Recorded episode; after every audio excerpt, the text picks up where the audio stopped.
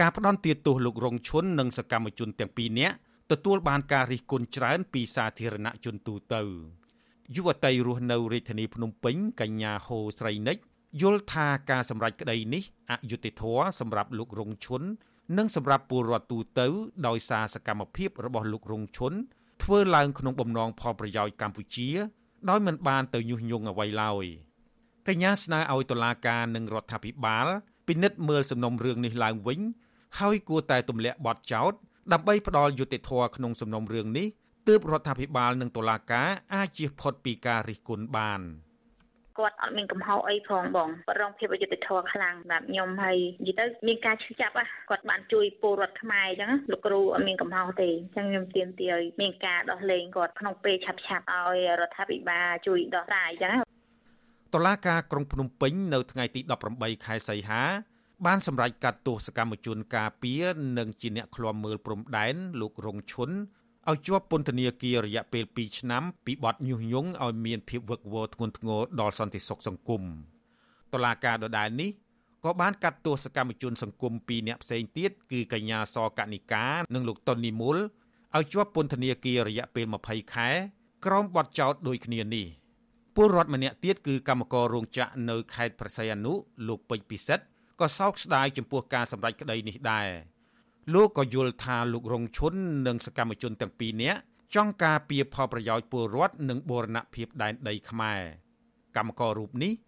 សំណូមពរឲ្យតុលាការនិងរដ្ឋាភិបាលទម្លាក់ការចោទប្រកាន់ហើយដោះលែងឲ្យអ្នកទាំង3មានសេរីភាពឡើងវិញ។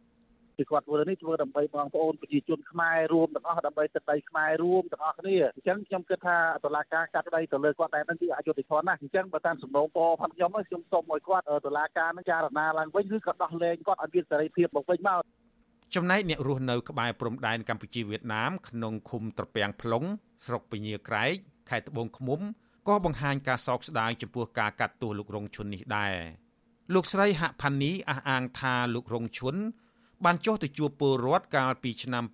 2020ក្នុងគោលបំណងការពារផលប្រយោជន៍ឲ្យពលរដ្ឋហើយលោករងឈុនបាននិយាយតាមការពិតដែលពលរដ្ឋរៀបរាប់ឲ្យស្ដាប់លោកស្រីបន្តថាលោករងឈុនមិនបានញុះញង់អ្នករស់នៅក្បែរព្រំដែននោះឡើយនិយាយថាអាណិតគាត់អញ្ចឹងអាណិតគាត់មិនមិនបានជួយអីដល់គាត់អញ្ចឹងគាត់មកត្រង់គាត់ចិត្តល្អតាវិមនុស្សគាត់ល្អនិយាយទៅគាត់និយាយចាស់គាត់ភាពរំទុំចិត្តបានចិត្តអីអញ្ចឹងក្រៅពីនេះ ក៏មានពលរដ្ឋនិងសង្គមស៊ីវិលជាច្រើនទៀតនាំគ្នាបង្ហោះសារប្រងព្រាតបង្ហាញការសោកស្ដាយនិងរិះគន់សាលក្រមកាត់ក្តីលោករងឈុននិងសកម្មជនទាំងពីរនាក់ឲ្យមានទោសទោះជាយ៉ាងណាអ្នកនាំពាក្យគណៈបកប្រជាជនកម្ពុជាលោកសុកអេសានអះអាងថាគ្មាននរណាម្នាក់អាចជឿជ្រែកកិច្ចការរបស់តុលាការបានឡើយប៉ុន្តែក្រមសង្គមស៊ីវិលដែលបានឃ្លាំមើលដំណើរការសវនាការនេះបានចាត់ទុកការសម្ដែងក្តីនេះថាអយុត្តិធម៌ និងមិនផ្ដល់ផលចំណេញដល់ពលរដ្ឋឡើយ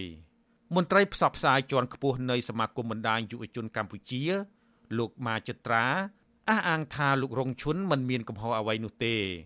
លោកជំរុញឲ្យតុលាការដោះលែងលោករងឈុននិងសកម្មជនទាំងពីរនាក់ឲ្យមានសេរីភាពឡើងវិញលោកបន្តថាការសម្រេចក្តីឃុំខ្លួនលោករងឈុនបានជះឥទ្ធិពលអវិជ្ជមានដល់សង្គម និងប៉ះពាល់ដល់ទឹកចិត្តប្រជាពលរដ្ឋនិងយុវជនដែលសកម្មក្នុងការការពារផលប្រយោជន៍សង្គម។ ប្រយោជន៍ហ្នឹងខ្ញុំមើលទៅប្រយោជន៍ទៅលើអ្នកនយោបាយវិញទេគាត់អ្នកដឹកនាំរដ្ឋព្រោះអីនៅពេលដែលខ្ញុំគិតថាការកាត់ទោសគាត់នេះវាធ្វើឲ្យគេហៅថាមនុស្សលែងហ៊ាននិយាយវាធ្វើឲ្យមនុស្សបាក់ស្បាតដែលគេអាចថាសំបីតលោកគ្រូរងឈុននៅតែគេយកគាត់ទៅកាត់ទោសចោះតម្ងពលរដ្ឋធម្មតាដែលគាត់ចង់បញ្ចេញមតិអីល្មមល្មមថាតើគាត់ហ៊ាននិយាយអត់អាហ្នឹងជាការមើលឃើញផងខ្ញុំវាជាការគេថាគម្រាមកំហែងស្មារតីផងពលរដ្ឋមិនឲ្យបញ្ចេញមតិ រីឯប្រធានស្ដីទីសហព័ន្ធនិស្សិតបញ្ញវន្តកម្ពុជា លោកអែមពុនរិទ្ធនិងជាអ្នកជិតស្និទ្ធនឹងលោករងឈុនក៏មិនពេញចិត្តសាលក្រមនេះដែរលោកឲ្យដឹងថាក្រមសង្គមស៊ីវិលនឹងស្វះស្វែងរកកិច្ចអន្តរាគមន៍បន្តទៀតធ្វើយ៉ាងណាទាមទារឲ្យតុលាការដោះលែងលោករងឈុនដោយគ្មានលក្ខខណ្ឌ ការសម្រេចរបស់សាលាដំបងយើងមិនពេញចិត្តទេយើងពិតជាស្តប់ស្ដាយហើយអន់ចិត្តចំពោះការសម្រេចនេះមែនទែនហើយយើងនឹងផ្សះផ្សាយទៅអន្តរាគមន៍បន្តទៀតហើយយើងនឹងពិភាក្សាជាមួយអ្នកច្បាប់ថែមជាពិសេសមេធាវីដែលកាន់ក្តីរបស់លោកគ្រូផ្ទាល់ថាតើយើងគួរដាក់ទៅអូតូដើម្បីតឬក៏យើងអាចផ្សះផ្សាយទៅរកស្ថាប័នណាដែលអាចជួយអន្តរាគមន៍ឲ្យលោកគ្រូបានជាមួយគ្នានេះអង្គការលីកាដូក៏បានចេញអត្ថបទខ្លីអំពីការផ្ដន់ទាទោសលោករងឈុននិងសកម្មជនទាំងពីរនាក់នោះដែរ អង្គការសិទ្ធិមនុស្សមួយនេះមិនបានបង្ហាញទស្សនៈបែបណាចំពោះការសម្រេចក្តីនេះទេ តែបានរំលឹកអំពីសេចក្តីថ្លែងការណ៍របស់ក្រុមអង្គការសមាគមនិងសហជីព140ស្ថាប័នដែលបានទាមទារឲ្យតុលាការទម្លាក់បទចោទប្រកាន់និងដោះលែងលោករងឈុននិងបញ្ឈប់ការធ្វើទុកបុកម្នេញឬអំពើហិង្សាលើក្រុមអ្នកតវ៉ាដោយសន្តិវិធី និងក្រុមសកម្មជនទាំងអស់ ចំណែកនាយិកាប្រតិបត្តិនៃមជ្ឈមណ្ឌលសិទ្ធិមនុស្សកម្ពុជា អ្នកស្រីចော့សុភាពបានបង្ហោះសារថាសាលក្រមរបស់សាលាដំបងរាជធានីភ្នំពេញដែលផ្ដន់ទាទោសដាក់ពន្ធនាគារនិងពិន័យជាប្រាក់ចំពោះលោករងឈុនលោកតុននិមលនិងកញ្ញាសកនិកា បង្ហាញឲ្យឃើញកាន់តែខ្លាំងឡើង ពីនិន្នាការរបស់រាជរដ្ឋាភិបាលកម្ពុជា ក្នុងការបំបិតសម្លេងប្រឆាំង ឬសម្លេងរិះគន់ ការយាយីតាមប្រព័ន្ធតុលាការដែលពួកគេបានប្រឈមដោយសារតែការអនុវត្តសេរីភាពមូលដ្ឋានស្របច្បាប់របស់ពួកគេ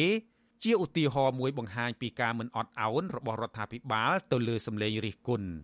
អ្នកស្រីចော့សុភាពបន្តថា អ្នកការពារសិទ្ធិមនុស្សនិងសកម្មជន ដូចជាលោករងឈុនលោកតុននិមលនិងកញ្ញាសកនិកាជាជនសកម្មហើយដល់ពេលដែលរដ្ឋាភិបាលត្រូវទទួលស្គាល់ការចូលរួមរបស់ពួកគេ ជំនួសឲ្យការយល់ខុសថាពួកគេជាការគំរាមកំហែងដែលត្រូវបង្ក្រាបខ្ញុំជីវិតាអាស៊ីសេរី